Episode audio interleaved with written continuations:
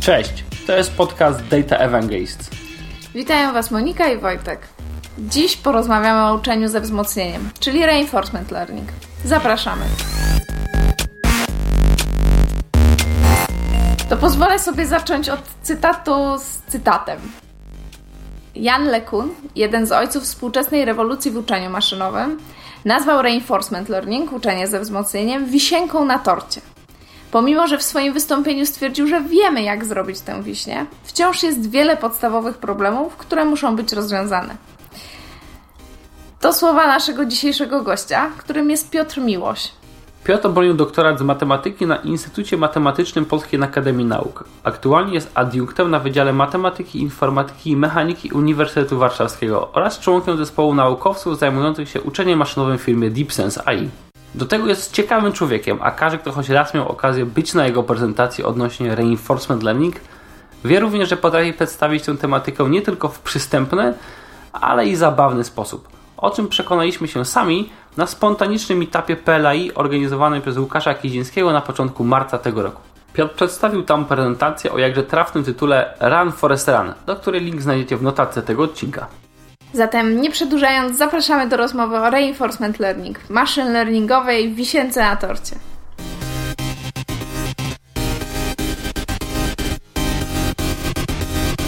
Cześć Piotrze. Cześć. E, miło mi, że przyjąłeś nasze zaproszenie do podcastu.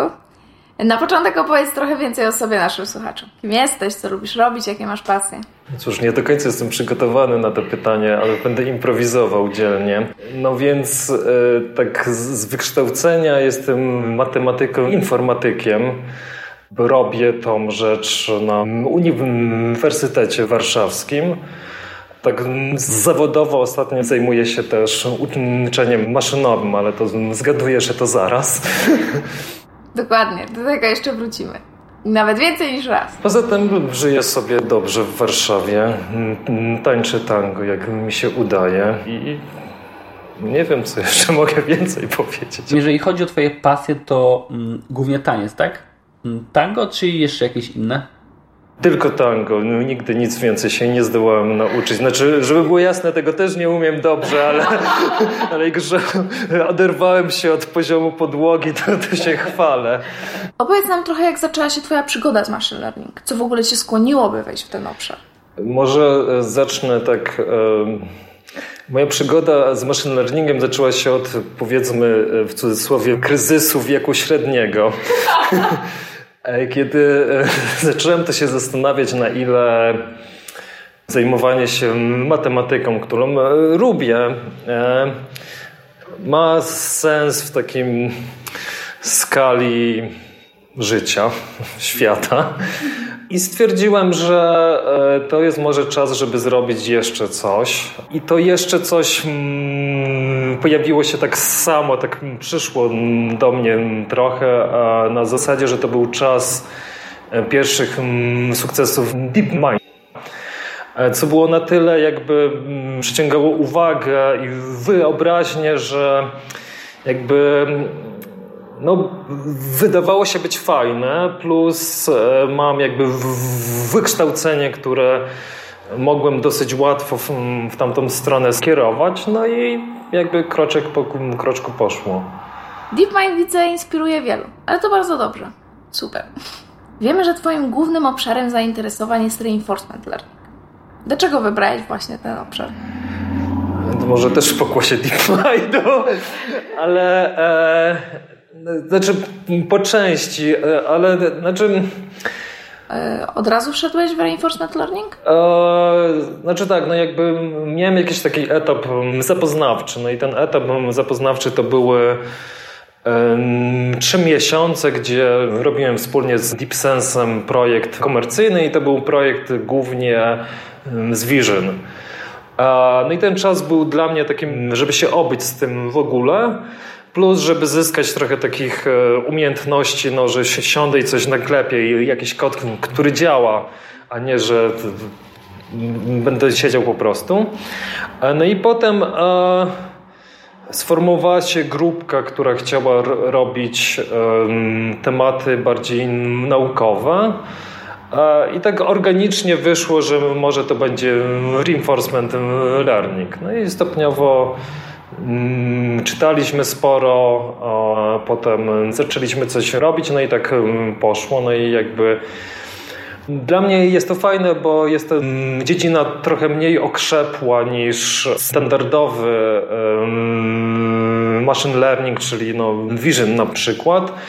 A w związku z, z czym no jakby są tam wyzwania takie bardziej naukowe, które ja bardziej lubię.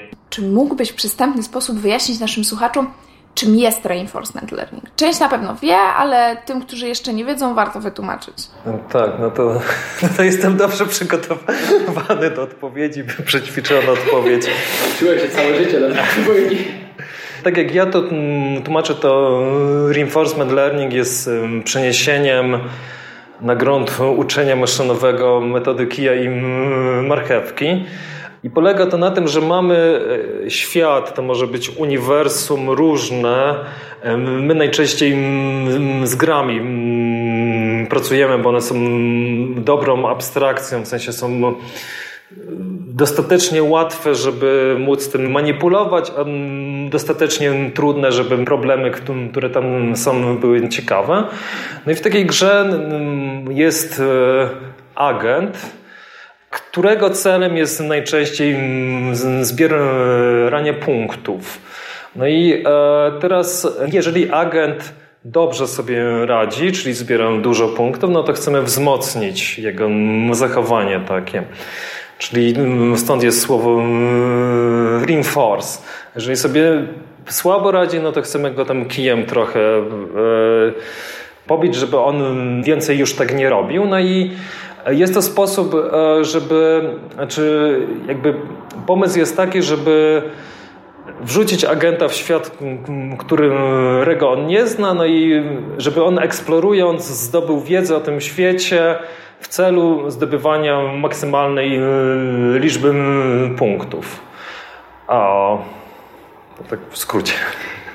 Wspomniałeś o grach, że są bardzo dobrym środowiskiem do używania reinforcement learning, dlatego że jest tam bardzo jasne rozróżnienie między tym, kiedy zdobywasz punkty, a kiedy je tracisz. No albo chociaż kiedy przybliża się do pewnego e, punktu, albo się od niego oddalasz. Trenowałeś nie jeden model na grach, tak? Atari może? No Atari też. Okej, okay, no Atari też. Trochę jest publikacji na ten temat w internecie, ale chcieliśmy dowiedzieć się od Ciebie trochę więcej o tym. Jak ktoś by chciał również przetrenować taki model, na co powinien zwrócić szczególną uwagę podczas implementacji e, czy budowy takiego rozwiązania? Technicznie w tym momencie najłatwiej jest wziąć z sieci e, pakiet na przykład baselines e, z, z OpenAI, no i ten pakiet umożliwia mm, zapuszczenie mm, treningu tak z grubszą bezboleśnie. No i teraz e, pytanie, co się chce dalej robić. Można potem wziąć te algorytmy, które tam są, próbować modyfikować je. E, można napisać od zera jakiś swój algorytm, a może to być trudne w wersji jakby początkującej. A można bawić się w jakieś takie gry, mm, znaczy w sensie robić zabawy takie, żeby jakoś mm, zmieniać grę na przykład, żeby ona była łatwiejsza bądź trudniejsza. Dla przykładu takim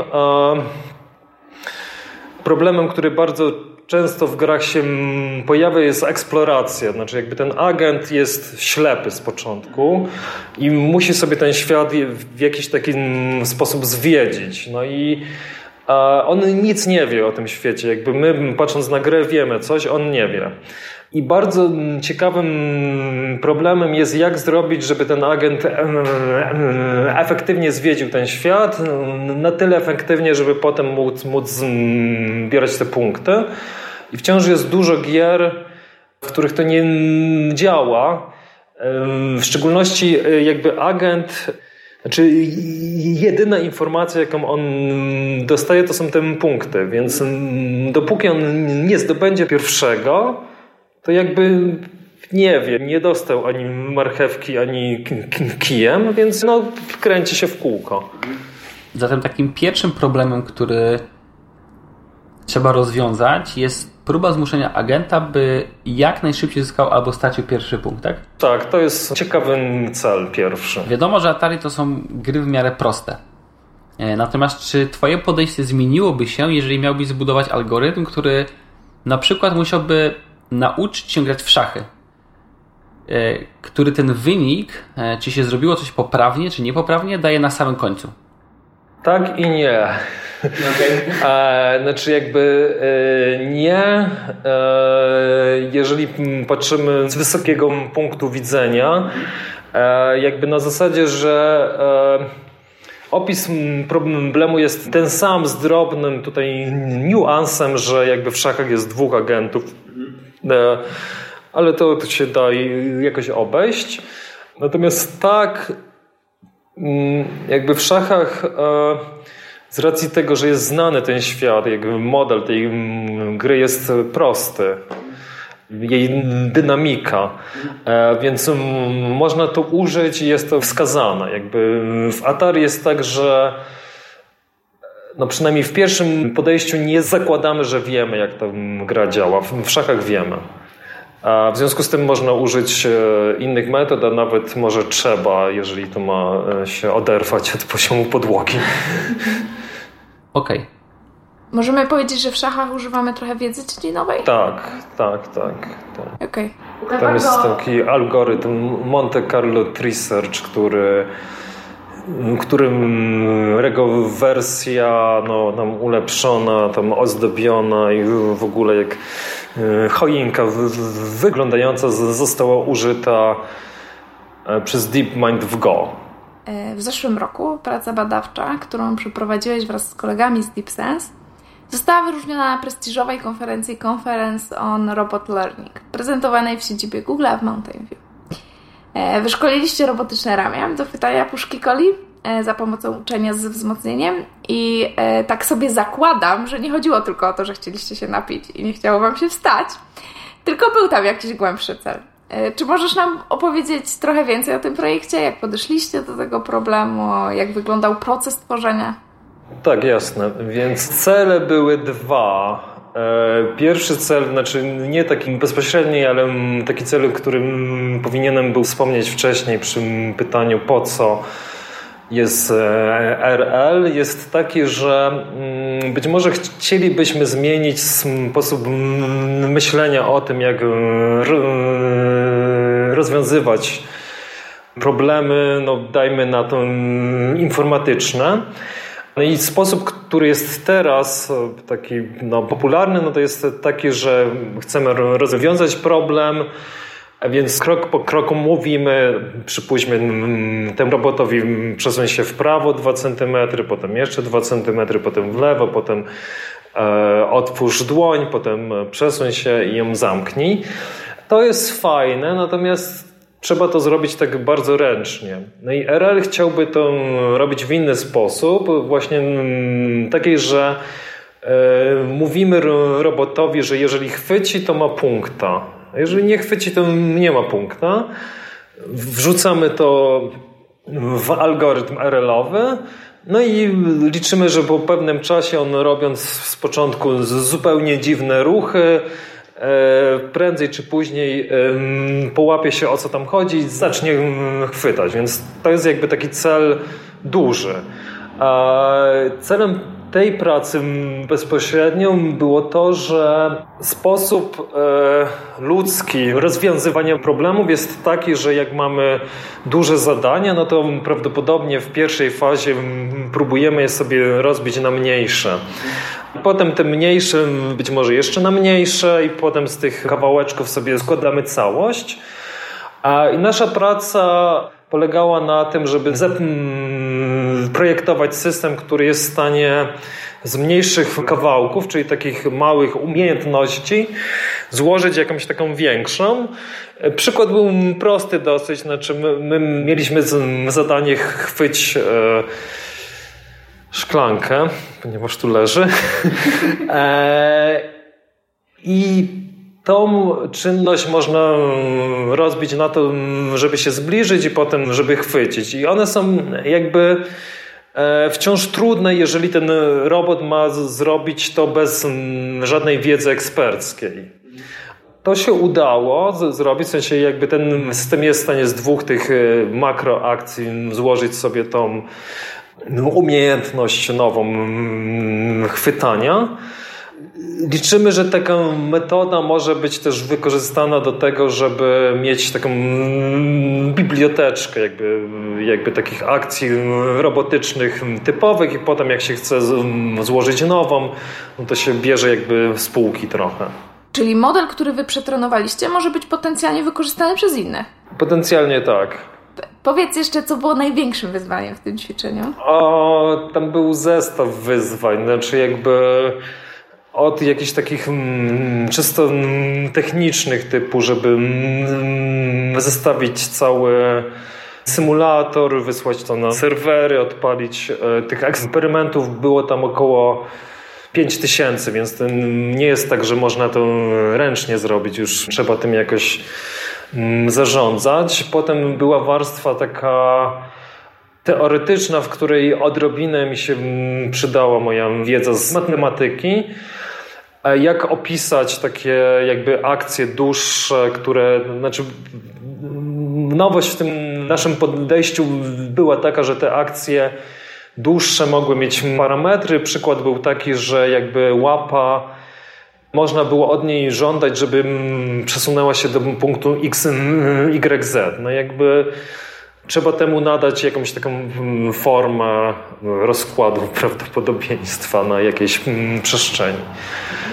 No i potem była warstwa samych eksperymentów. I to jest taka praca, że to jest wszystko proste, jak już e, się to zrobi. A dopóki się tego nie zrobi, to okazuje się, że tam jest e, pięć haków, które trzeba gdzieś tam po drodze, albo trików, e, i na którym i na każdym z nich można się wyłożyć. A zdradź jakiś haczyk? No i jeden z haków takich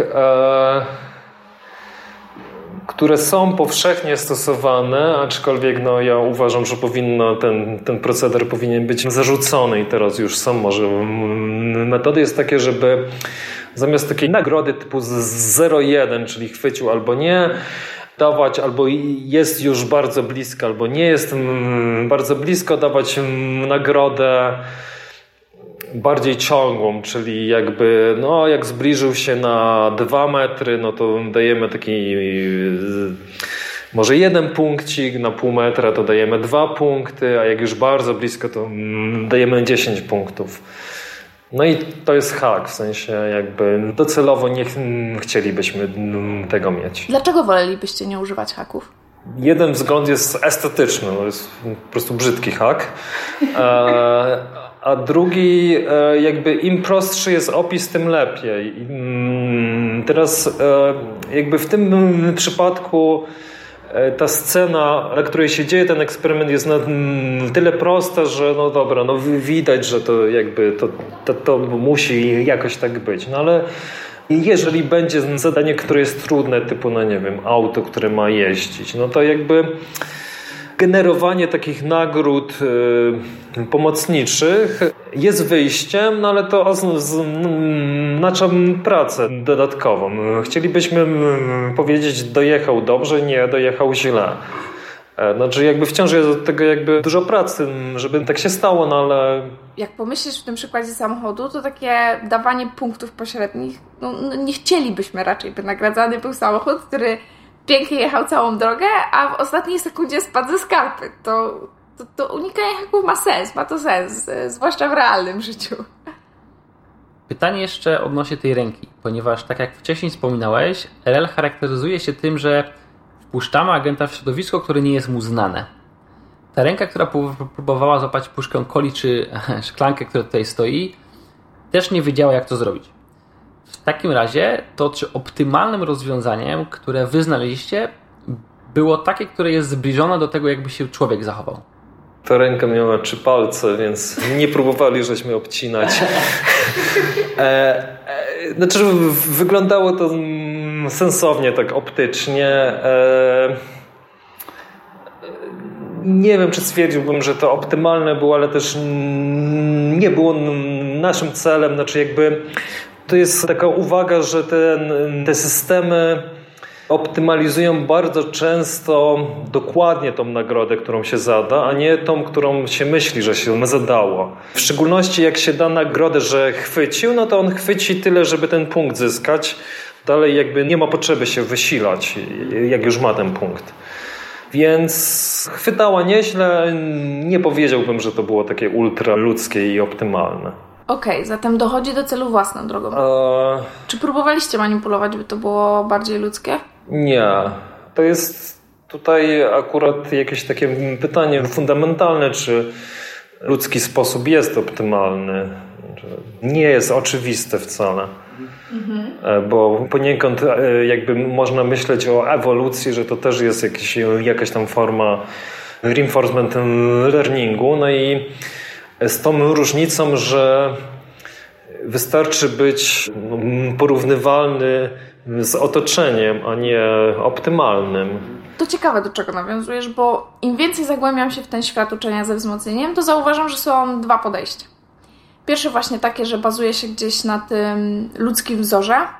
Drugie jest takie, że zobaczymy, jak sam się nauczy, bo może wymyśli lepszy, ciekawszy sposób, albo właśnie taki optymalny dojścia do celu. I tutaj pojawia się pytanie E, czy to jest taki czarno-biały wybór, czy raczej e, pełen odcieni szarości? Czy ta wiedza dziedzinowa jest niezbędna, czy lepiej, żebyśmy szukali takich rozwiązań, które są zupełnie nowe? Kwestia gustu. Na zasadzie, znaczy jakby. No jeżeli ktoś chce zastosować e, RL-a na przykład teraz w robotyce, no to pewnie nie obchodzi go, czy to będzie takie zupełnie czyste podejście Haki są akceptowane. Z punktu widzenia poznawczego oczywiście jest fajnie stwierdzić, co ten system sam zrobi, jakby dać mu możliwość. To jest taka uwaga, że e, jest przekonanie, że być może jakby podejście takie, mm, które będzie działać w dużej liczbie przypadków, musi jakby zbierać sobie wiedzę, znaczy mieć y, wiedzę nie tylko na temat tego, co teraz y, rozwiązuje, ale być może taką szerszą y, wiedzę albo o innych zadaniach, albo o świecie. No i jak się o tym tak myśli, no to już zaczyna to przypominać trochę takie myślenie ludzkie. Pamiętam jak na wykładzie w marcu opowiadałeś o tym, jak tworzyliście rozwiązanie na NIPS 2017 Learning to Run Challenge. E, tam wspominałeś, że przy którejś iteracji dodaliście ten e, mały haczyk ludzkiego podejścia. E, opowiedz nam zatem proszę o samym konkursie, jak wyglądało Wasze dochodzenie do rozwiązania i dlaczego zdecydowaliście się użyć trochę tej wiedzy, jak człowiek działa.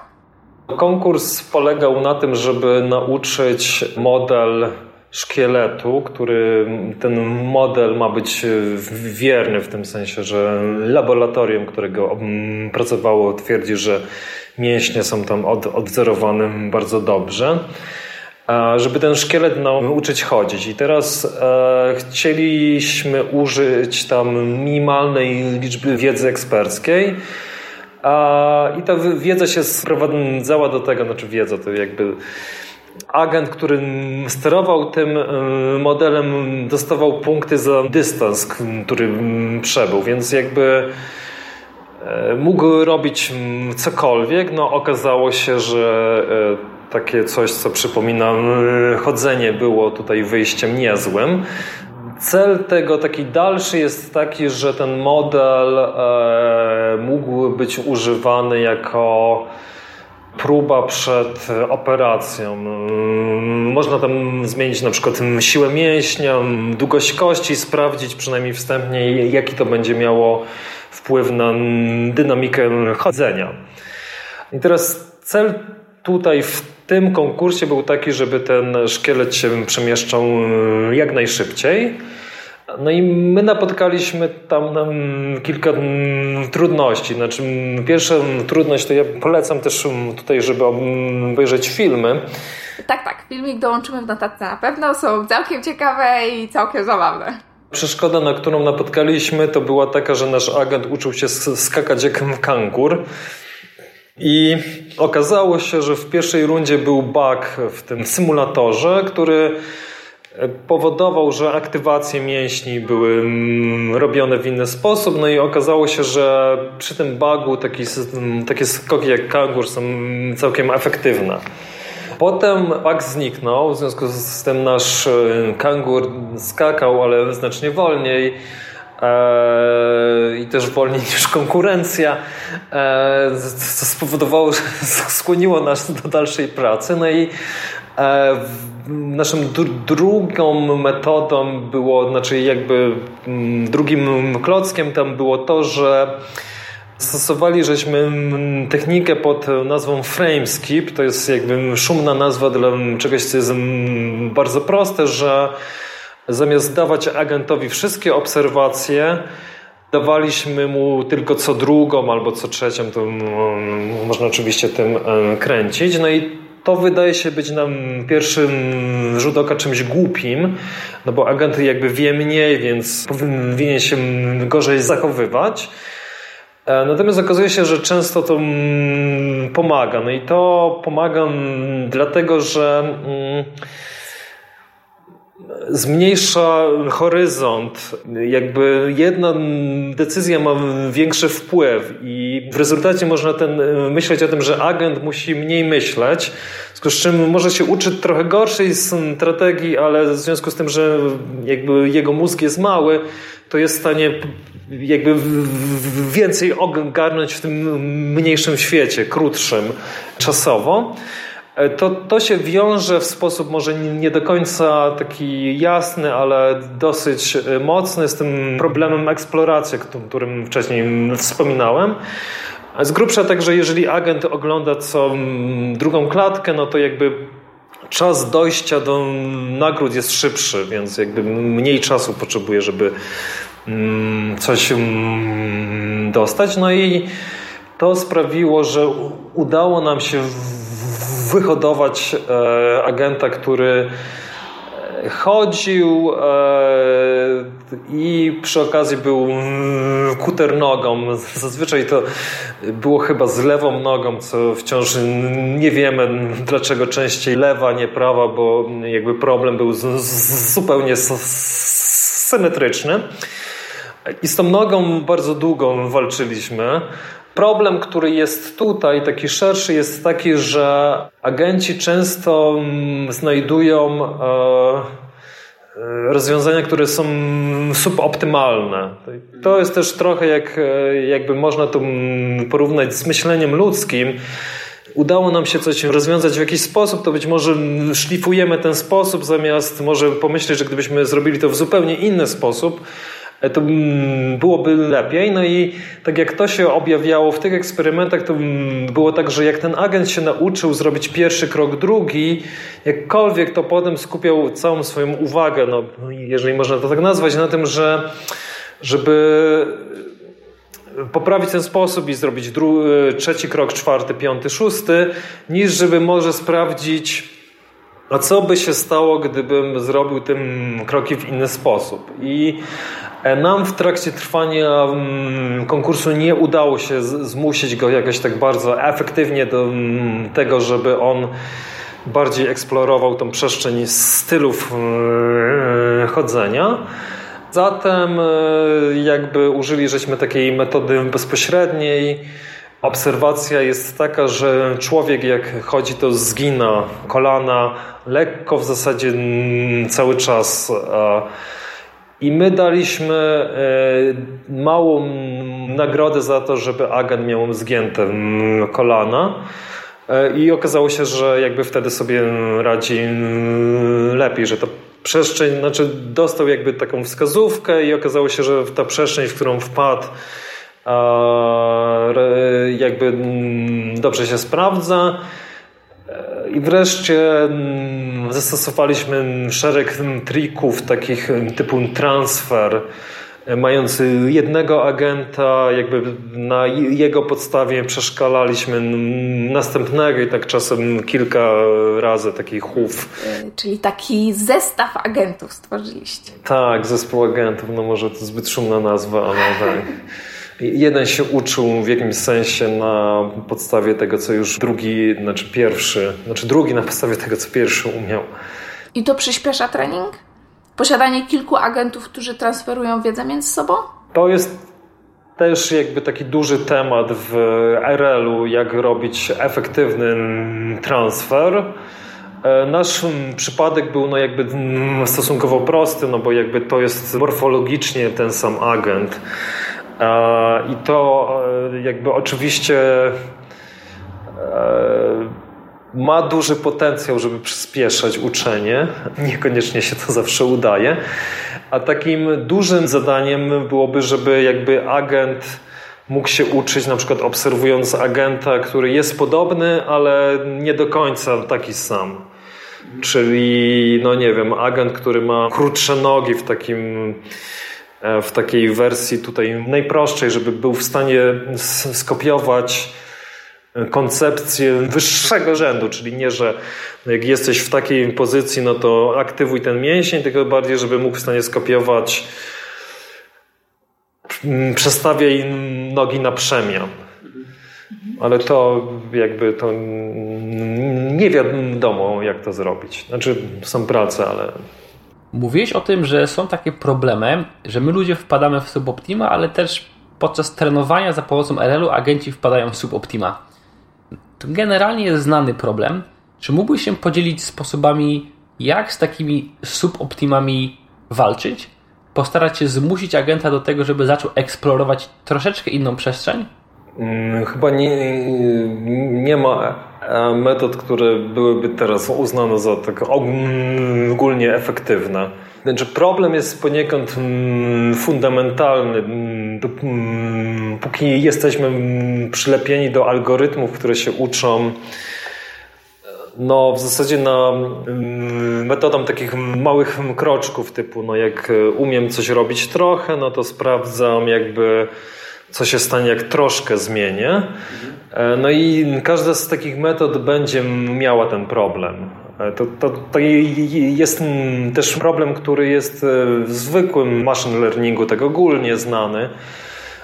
Jest oczywiście ileś metod, jak sobie z tym radzić. No, taką metodą może, która jest e, dosyć skuteczny na przykład w mm, problemach obrazkowych, to jest to, żeby te obrazki były mm, różnorodne.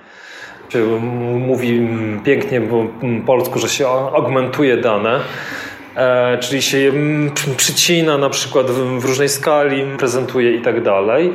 I w trakcie pracy nad Learning to Run ja też się nad tym zastanawiałem.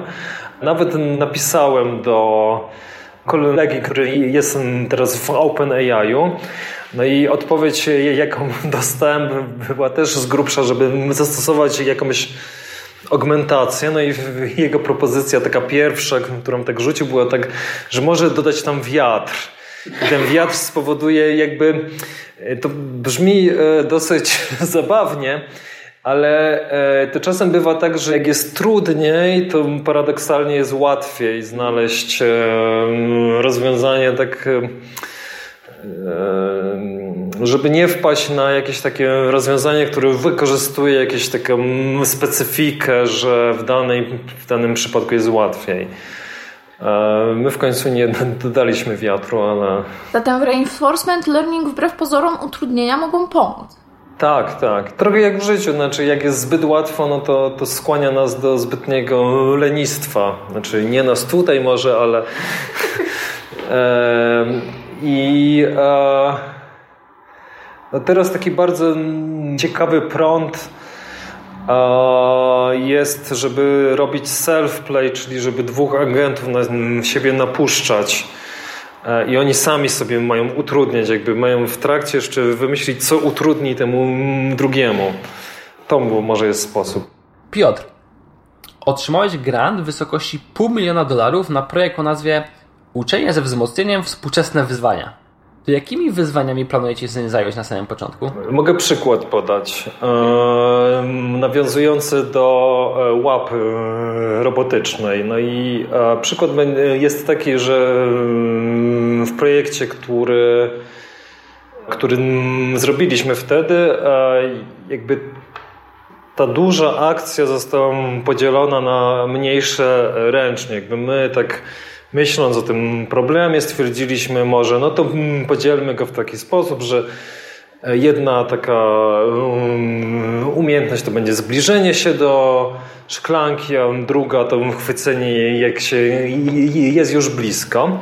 No i to znowuż jest jakiś taki hak tutaj trochę, tak? Jakby my włożyli żeśmy w ten sposób trochę wiedzy eksperckiej, znaczy no, naszej wiedzy o mm, fizyce świata. Byłoby super, gdyby e, agent e, ucząc się był w stanie sobie znaleźć umiejętności, takie jakby dłuższe ciągi akcji, e, które są często w bloku. Tak? No, tutaj jest je łatwo opisać, natomiast jest trudno zrobić tak, żeby stało się to samo, żeby był system uczący, algorytm najlepiej zupełnie unsupervised, który znajduje tę makroakcję. No i to, to jest jeden z tematów. Jakby w grancie jest szkic e, dwóch algorytmów, które może zadziałają, ale pewnie w pierwszej wersji nie zadziałają. No i celem będzie to, żeby e, no, w dobrym y, przypadku no, skłonienie, żeby jednak zadziałały. Okej, okay, to idąc głębiej w wasz projekt, czy możesz nam wyjaśnić, czym jest uczenie stopniowe i hierarchiczne? No to hmm, hierarchiczne no to jest to, co, co już było opisane, czyli to, że jest jakby podział e, dużej, e, dużym, zadania na mniejsze. Natomiast uczenie stopniowe, czyli to, to, to, to jest jakaś tam próba mniej lub bardziej udolna przetłumaczenia curriculum learning na język polski. E, to ma z kolei realizować taki cel, że nasz agent, czyli uczeń, dostaje stopniowo zadania, które są coraz trudniejsze. Z tego myślę, że jakby z początku się uczy łatwych zadań, więc zrobi to być może szybko, potem coraz trudniejszych i e, jakby liczymy na to, że w ten sposób e, będzie działać to szybciej, to po pierwsze, a po drugie e, będzie agent będzie mógł osiągać zadania, które by nie mógł osiągnąć takim jednym skokiem. To, jest y, jakby myślenie takie, że w szkole nas najpierw uczą y, literek, a potem y, czytać, nie wiem, analizować wiersze po iluś tam latach, a nie jakby dają nam książkę i z, z nią coś zrób.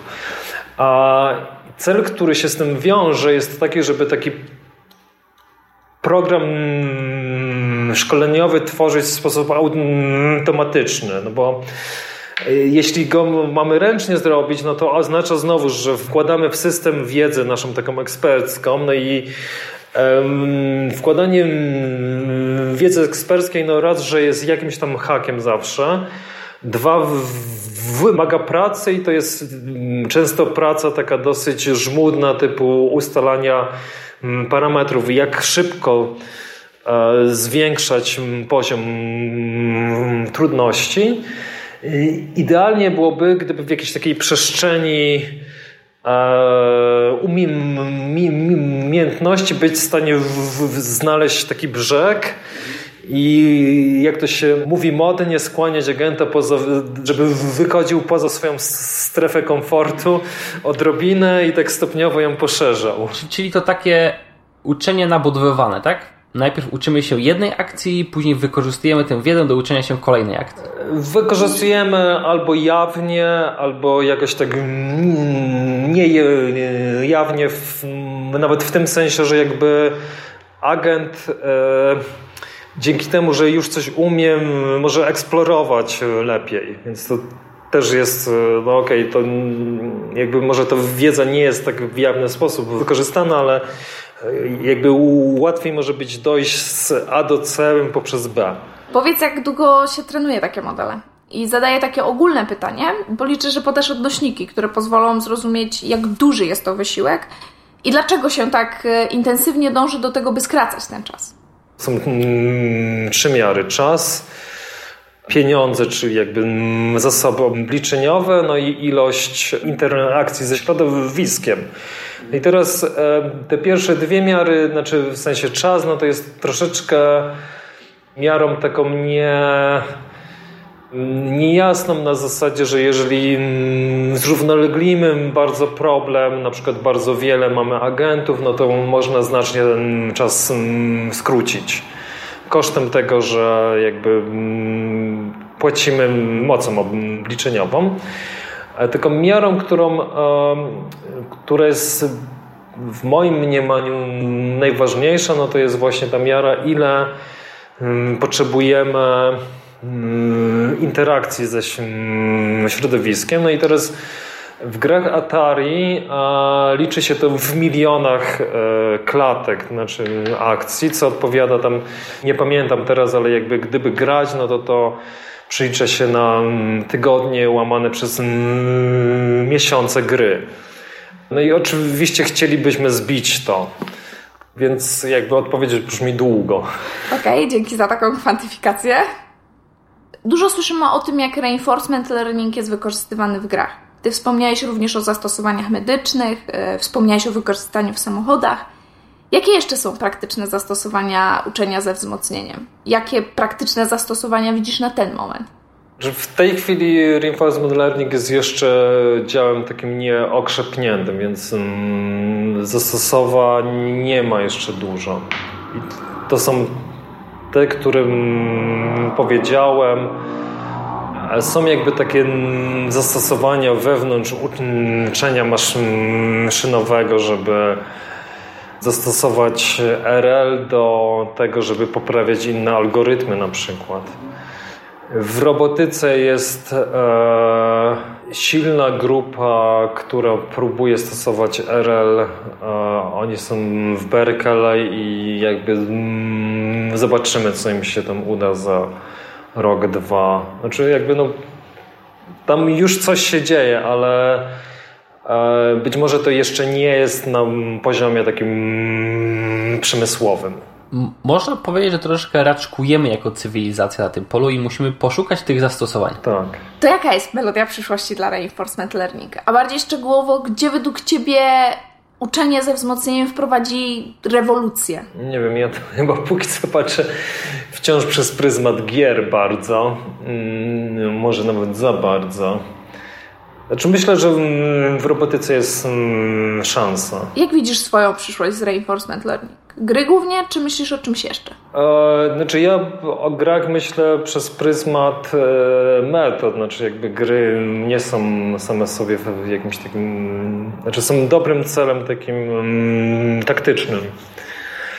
To jest tak, że e, ja nie jestem w stanie zupełnie przewidzieć przyszłości. I też e, w zasadzie mm, znaczy to to można uznać za albo plus, albo minus, w zależności od gustu. E, wydaje mi się, że za bardzo teraz nikt nie jest w stanie przewidzieć i postęp jest tak e, szybki, jednocześnie tak jakby idzie w różne strony, że... E, pozostaje nam zatem monitorować. Piotr, jaką miałbyś radę dla osób, które teraz chciałyby rozpocząć swoją przygodę z reinforcement learning? Co powinny robić, by unikać błędów początkujących i którym kierunku podążać? Dla osób początkujących dużo czytać, dużo robić eksperymentów. Wydaje się, że to jest dziedzina, która stopniowo zmierza do tego, że trzeba być w jakiejś grupie, więc znaleźć grupę, w której e, można to robić. Mm, czyli uważasz, że rozwiązywanie problemów, w których można wykorzystywać uczenie ze wzmocnieniem, powinno być rozumiane przez grupę. E, czy jest to też tak interdyscyplinarne? Nie, to bardziej e, chodzi o to, że tam są względy mm, czysto praktyczne, znaczy jakby zestawienie eksperymentu to jest istotna praca programistyczna. Puszczenie go no to jest następna praca. Ogarnięcie sprzętu to jest jeszcze jedna praca, no i trzeba być może dobrze byłoby wiedzieć, co się robi, wypadałoby wcześniej coś przeczytać. E, no i tego się robi na tyle dużo, że trudno jest to zrobić tak e, po prostu samemu. Okej, okay, czyli to jest kwestia zaangażowania większej ilości osób, bo to się robi po prostu za duży problem, by efektywnie samemu go zrobić. Jakby to się da oczywiście zrobić samemu w odpowiednio dłuższym czasie, tyle że tak jak teraz e, wygląda to, no to jakby po tym dłuższym czasie być może już ten problem będzie rozwiązany przez kogoś, kto pracował w grupie. A powiedz, jak to wygląda z interpretowalnością e, RL-u? No, działa, więc wygrywa w te gry. Jeżeli chodzi o te gry Atari, no to jakby one, z, jakby to, to jakby gra ładnie, znaczy w sensie, więc samo to, to jest ok. A jeżeli chodzi o inne gry, no to jakby w Go były takie mm, głosy mistrza, który grał, że te ruchy są dziwne.